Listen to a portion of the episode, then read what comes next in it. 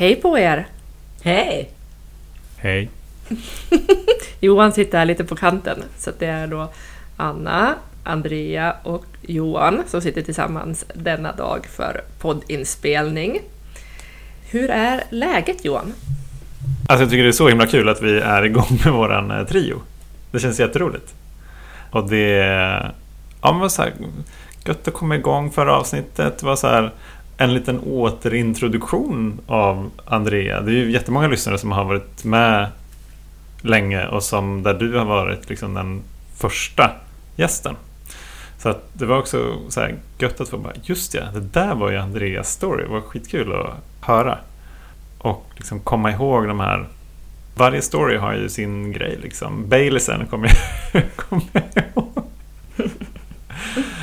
Eh, och sen så var det ju någonting som vi pratade om i förra avsnittet som jag tänkte så här, det där var en bra cliffhanger. Och så var jag så här, oj, oj, oj, vad var det för någonting? Det var ju det här med att det behöver inte vara liksom, att vi dricker för att vi mår dåligt. Det kan också vara för att vi dricker liksom, för att vi mår bra. Vill du eh, inleda oss lite i den, i den härliga alkoholistiska tankegången, Andrea? Absolut. Eh, ja, men så kul att vara här igen, tycker jag. Och eh, kul att ta upp den tråden, den här cliffhangern, liksom att det är inte bara jobbigt för en alkoholist att vara där det är jobbigt, utan det kan till och med vara jobbigt att vara i livet när det är bra. Eh, snacka om att man hittar problem. Och eh, det var väl lite det vi var inne på där i slutet av förra avsnittet. Att eh, det är lätt att man eh, kan tro att alkoholister sitter bara och, och liksom dränker sina sorger. Och det är därför man dricker så mycket, för att man vill dämpa liksom bara dåliga känslor. Men det kan minst lika väl vara att man kan inte riktigt hantera det här den känslostormen av lycka ibland. Jag har själv känt att liksom ibland när livet är bara för jäkla bra. Det kunde vara så förut. Det var fredag, det kanske var sol, jag kanske skulle gå på en fest, jag kanske var liksom överexalterad. Det är ju bara en massa positiva känslor. Men jag kunde inte riktigt hantera de här positiva känslorna. Det blev liksom för mycket och då, för att ta ner mig själv på jorden, liksom lugna ner mig helt enkelt, så kände jag att det behövs några glas liksom. Eh, för att bli normal. Inte vara nästan uppe i varv och nästan nervös. Sådär. Kan ni känna igen er? Du sa ju något spännande där, det här över exalterad. Är det någonting jag har lärt mig i nykterheten så är att vi ofta befinner oss, jag får prata utifrån mig själv, men i ett spann av överexalterad. Eller så är det något hot om någon, någon botten. Eller liksom att det är negativa känslor, ångest eller oro eller rädsla som jag, jag dras emellan. Och jag tror att i nykterheten är liksom det som vi strävar efter, det vi försöker befinna oss i, det är den här mitten Eh, linjen, det som kanske kan eh, kallas lagom. Eller vara liksom förnöjsam. Och det har ju varit typ ett skällsord för mig. Förnöjsam. Det var bara så här, men vad är, vad är det liksom? Den är så här dumnöjd på något sätt. Men nu är ju det det som jag inser är fint. Jag behöver inte vara överglad eller livrädd för att hamna i botten. För att när jag gör det så försöker jag ju krampaktigt hålla fast vid någonting. Och det är ju såklart att ligga på överexalterad hellre än att ligga på botten. Mm. Så var det för mig i drickandet mycket. Jag tror inte ens... Jag drack absolut inte för att jag var, var nere, men jag var livrädd för att vara det. Så jag behövde hela tiden hålla mig på att försöka liksom, ja, hålla mig så långt ovanför lagom strecket mm. som möjligt. Ja, det var någon som sa på ett möte att vi är verklighetsallergiker. Och för, för många har ju verkligheten bara varit eh, lika med boring. Liksom, det får inte vara tråkigt någonsin. Varenda dag ska ha guldkant. Liksom. Det får inte bli bara en vanlig tisdag där man går och lägger sig i tid. Tittar på lagom många avsnitt Netflix och äter en lagom eh, stor middag. Liksom. Nej, det måste vara efterrätt. Det måste vara för många avsnitt Netflix. Det måste gå så lägga för sent. Alltså det måste vara för mycket av allt. Liksom. Och toppas med lite vin. Liksom. Men det vi också var inne på var ju att det kan vara läskigt att vara i ett, eh, lycklig känsla i livet. För att jag kände i alla fall så tidigare i livet att då gick jag runt och oroade mig för när kommer smällen. Man kan ju inte gå runt och bara vara lycklig så här. Det kommer ju gå åt helvete snart. Det visade ju mitt levnadssätt ganska tydligt att så här, måndag till, till torsdag eller fredag, då, då var ju livet ganska normalt liksom. Alltså eh, om man kallar det normalt att dricka varje dag. Men eh, kunde man ju bygga upp livet ändå ganska bra. Man tränade kanske lite och livet var ändå fungerande på, på visst sätt liksom. Sen kom fredag eller lördag kväll och så tappar man bort allt. Man kanske slog sig eller gjorde bort sig eller gjorde massa knäppa grejer. Plötsligt så hade ju den där lilla harmonin som jag kanske hade skapat i veckan, den var ju bortblåst liksom. Och det här var ju aldrig planen. Utan det kom ju bara som en jäkla smocka.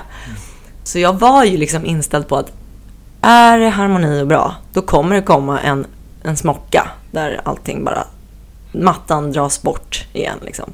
Känner ni igen det? Alltså det är ju så intressant det där för att det är ju en, en rätt farlig sanning att gå runt med. Just det där att så här, när det är bra, då kommer det komma en smocka snart. Då är det klart att då är jag, blir jag också rädd för när det blir bra. Mm. Ja, det är som det här lilla citatet som jag berättade om innan, att någon på ett möte sa att jag känner mig trygg i helvetet, för där är det varmt och skönt och då vet jag hur det är. Ja. Men nykterheten, det vet jag ingenting om. Nej. Alltså, ett lyckligt liv, det har jag ingen aning om. Mm. Hur ska det vara? Liksom? Nej, precis. Jag, jag, vet inte om du och jag har pratat om det, Anna, men, men jag håller, håller på att läsa en bok nu som heter Living Untethered. Som inte är en, eh, en tolvstegsbok, men liksom en ja, andlig, andlig utveckling-bok.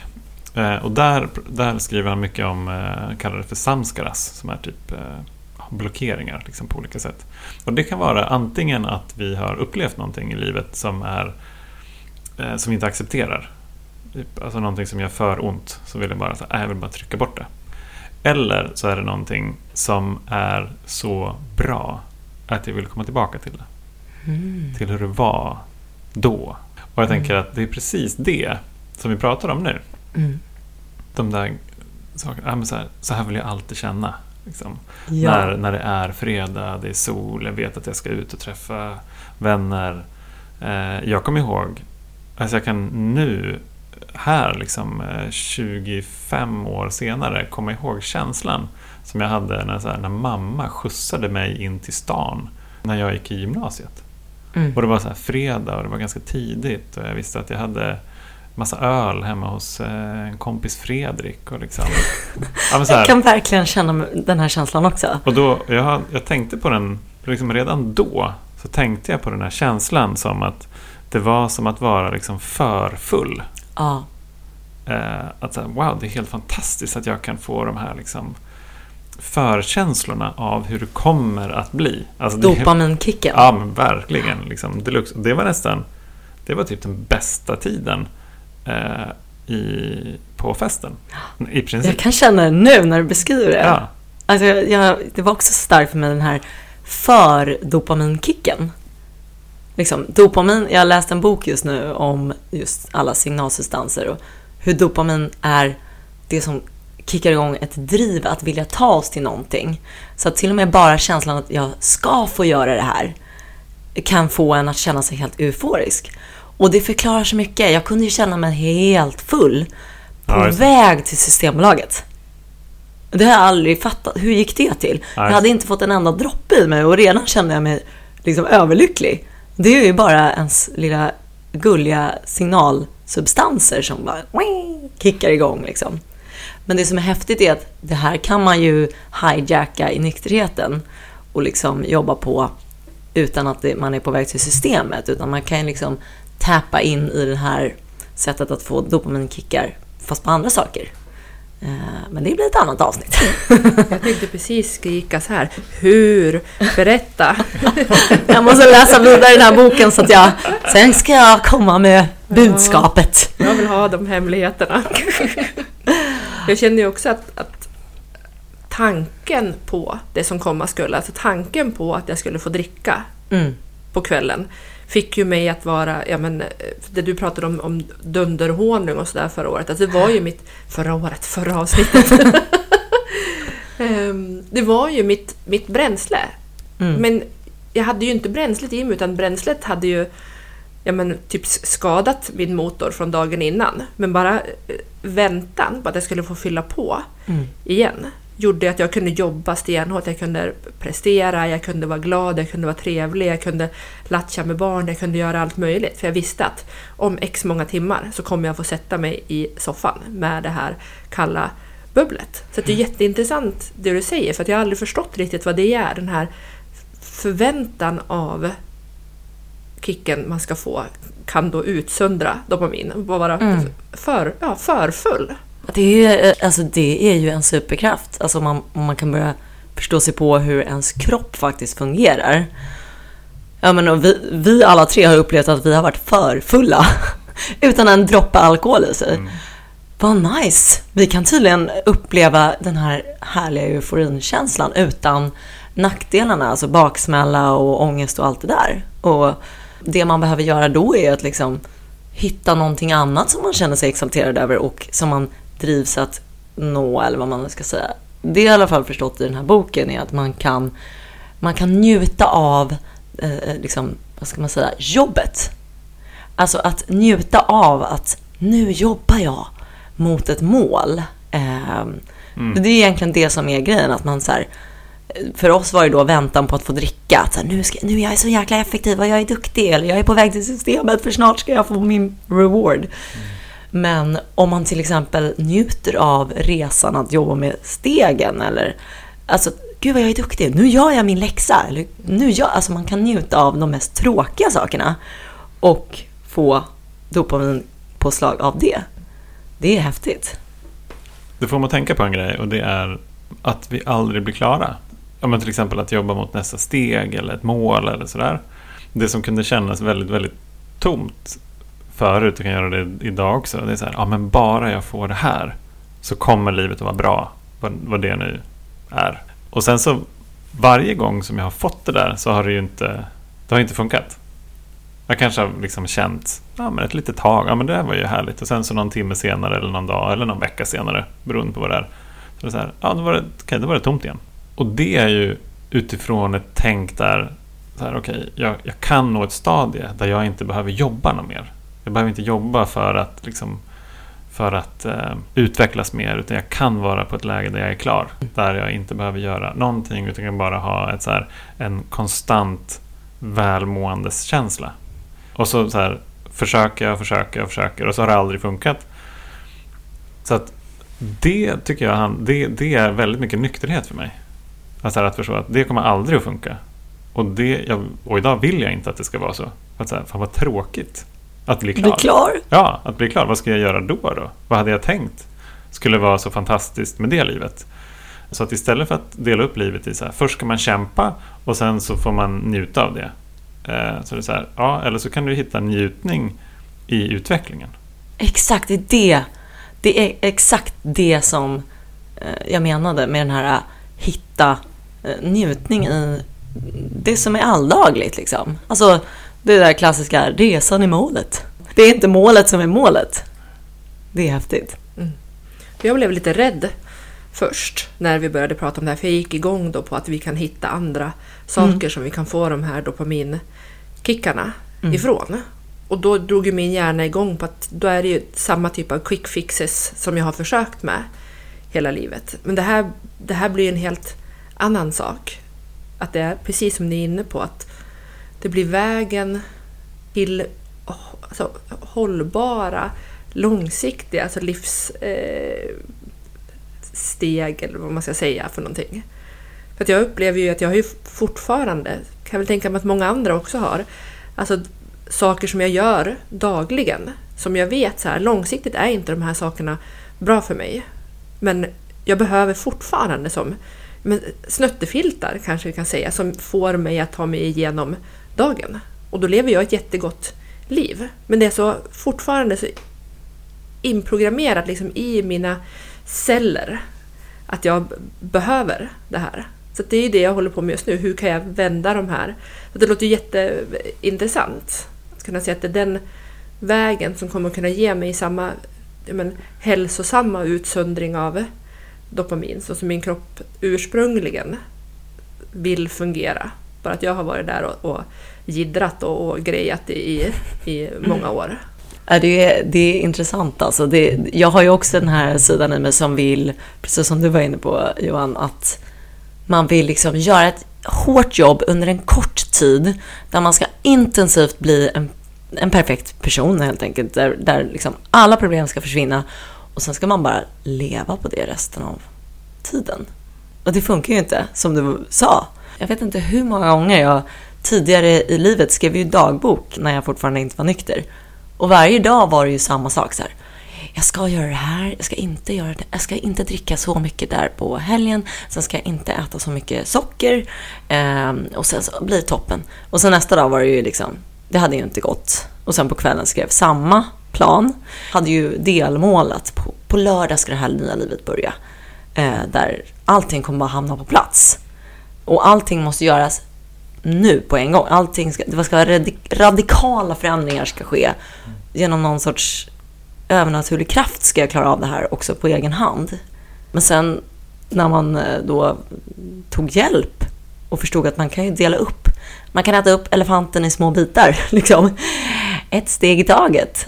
Man behöver inte liksom få en andlig upplevelse och liksom förstå sig på hela sig själv och sin problematik direkt. Det blir ju liksom små delmål. Jag tänker att det är nog väldigt bra att vi inte gör det.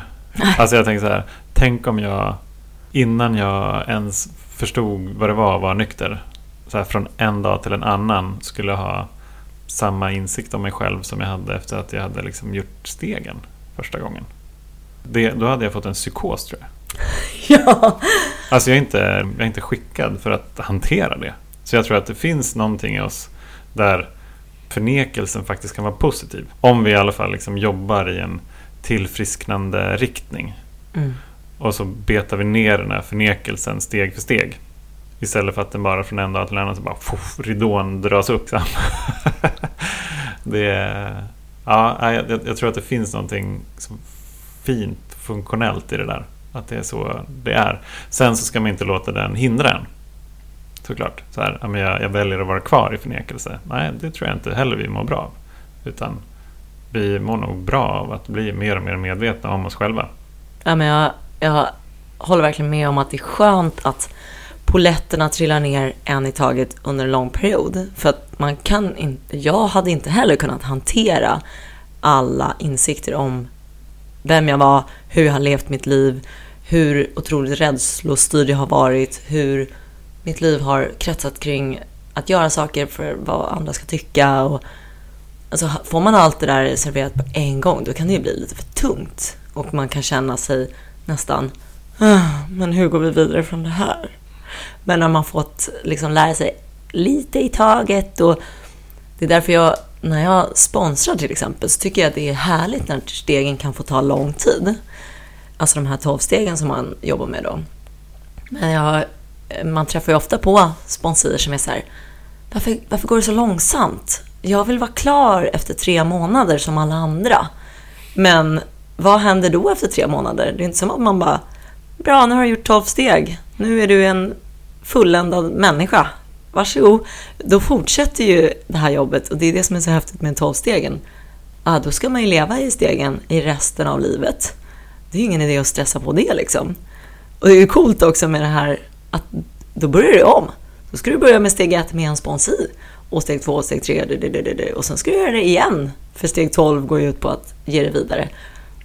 Så det är uppbyggt så att inte vi som är sådana där eh, quick fixers, anonymous, vi kan inte bara så här, fan vad nice, jag ska snabbspola stegen. Jag gör 12 stegen på 12 dagar och sen ska jag njuta. Det går inte. Det, det tycker jag är, det, det är coolt att de där gubbarna för hundra år sedan kom på det. Bill och Bob. Ja, och att det finns alkoholister idag som fortfarande lyssnar på det. Ja. tycker jag också är ganska fantastiskt. Jag har ju faktiskt kommit till en, eh, till en insikt här eh, senaste dagarna bara. Om att eh, ett, att jag ska göra omstegen igen. Mm -hmm. och två, att jag ska göra det i ett annat program Mhm. än vad jag gjorde ursprungligen. Och eh, tre, att jag ska göra det med en annan sponsor. Spännande. Ja. Hur kom du fram till det? Nej, men jag kom fram till det eh, för att jag... Mest för att jag är nyfiken tror jag. Mm. Eh, och att det senaste, senaste året för mig har varit väldigt mycket att här, om jag ska lära mig någonting nytt Mm. då behöver jag vara i en annan kontext. Jag behöver ha andra perspektiv. Jag behöver, jag behöver eh, liksom upptäcka mig själv med hjälp av andra. Det blev en ny spegel. Ja, men precis. Liksom. Eh, och det, framförallt så har det handlat om jobbet för min del. Jag har bytt jobb precis och är på en ny arbetsplats. Och liksom det är superkul och läskigt och spännande och allt möjligt på samma gång.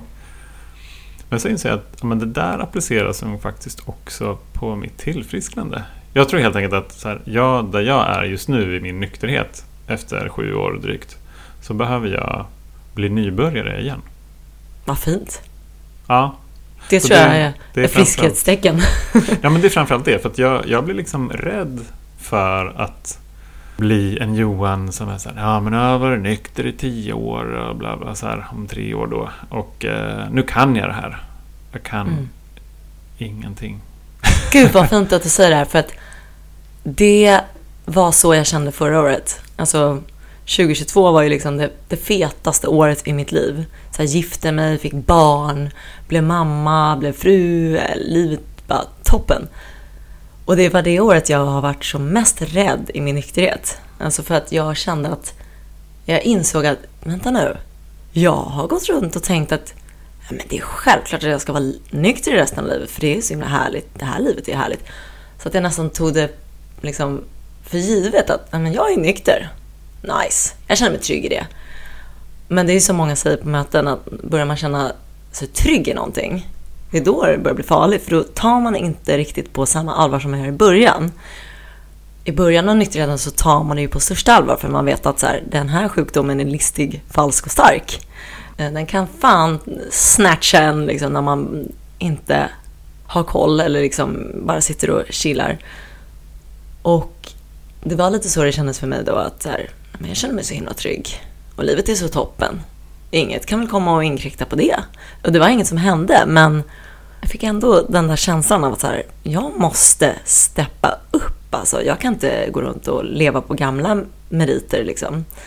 Eh, bara för att jag har gjort massa service och jag har gjort massa, sponsrat massa och jag har talat massa på konvent och hit och dit. Det spelar ingen roll för det är en dag i taget även i tillfrisknandet liksom. Ja, men precis. Och en, ett perspektiv som jag fick med mig den här veckan faktiskt var så här. Bara kom ihåg att sjukdomen är kronisk, progressiv och dödlig även i nykterheten. Mm. Det vill säga den andliga bristen som vi har. Den är också progressiv. Usch. Ja, vilket innebär att vi som har varit nyktra några år, vi behöver jobba ännu mer Ja. på det. Eh, Så det är snarare tvärtom. Gud vad fin påminnelse faktiskt. Det är lätt att man då blir eh, lite rädd och, och lite så här, men vad fan. Jag kände så faktiskt förra året. Jag bara, ja, men gud, hur ska jag nu? Och då är det ju skönt att man har gått på möten och det har upprepats ungefär tusen gånger att så här, ja, mår du dåligt, gå på ett möte. Mår du bra, gå på två möten. liksom, så jag bara, ja, det är kanske är det jag ska göra. Bra, jag ska göra dubbelt av allting så blir det bra. Så det blev ju, som jag sa tidigare, att så här, när jag fick barn i februari förra året så var ju, alltså min lycka steg ju liksom till över max. Jag kände mig så jäkla fulfilled liksom. Eh, så pass mycket att jag kände att jag, jag mår så jäkla bra. Jag kan ta en liten, jag behöver inte gå på möte den här veckan. Kanske inte ens den här månaden. Liksom. Så det var nog två månader kanske som jag inte gick på möte. Jag hade kontakt med sponsor och sådär. Men ändå, liksom, jag behöver gå på möten. Och sen så som tur var så kom jag på att nej, men det här är inte hållbart. Ja, nu får jag inte sitta här i babybubblan längre. Liksom. Um, och så var det bara tillbaka och jag kände mig som en nykomling. Eh, jag hade inte tagit en återfall eller sånt. Jag hade bara tagit en, varit lite slö. Men eh, då var det bara tillbaka, börja göra service, börja gå på möten, börja sponsra. Och det sa jag tidigare, att det, på typ andra mötet jag var på då så kom det en kvinna och frågade om jag kunde sponsra henne. Och det var ju precis vad jag behöver. Låsa mig vid att jag ska göra programmet varenda dag. Och så kom hon där som liksom en skänk från ovan. Och sen så visade det sig att hon hade börjat sin liksom, riktiga alkoholkarriär för 20 år sedan. När hon hade fått barn. Hon hade blivit så överlycklig att hon inte kunde hantera lyckan utan att liksom ta udden av den med hjälp av alkohol. Och när hon sa det och sen berättade hur det sen hade liksom rullat ut, livet hade blivit då eh, sen dess. Att det blev ju liksom inte bara åh vad mysigt, jag tar ett glas vin och tittar på min vackra underbara bebis. Utan det blir massa vin, det blir substanser, det blir massa kaos, trasiga relationer. Allt går åt helvete till slut.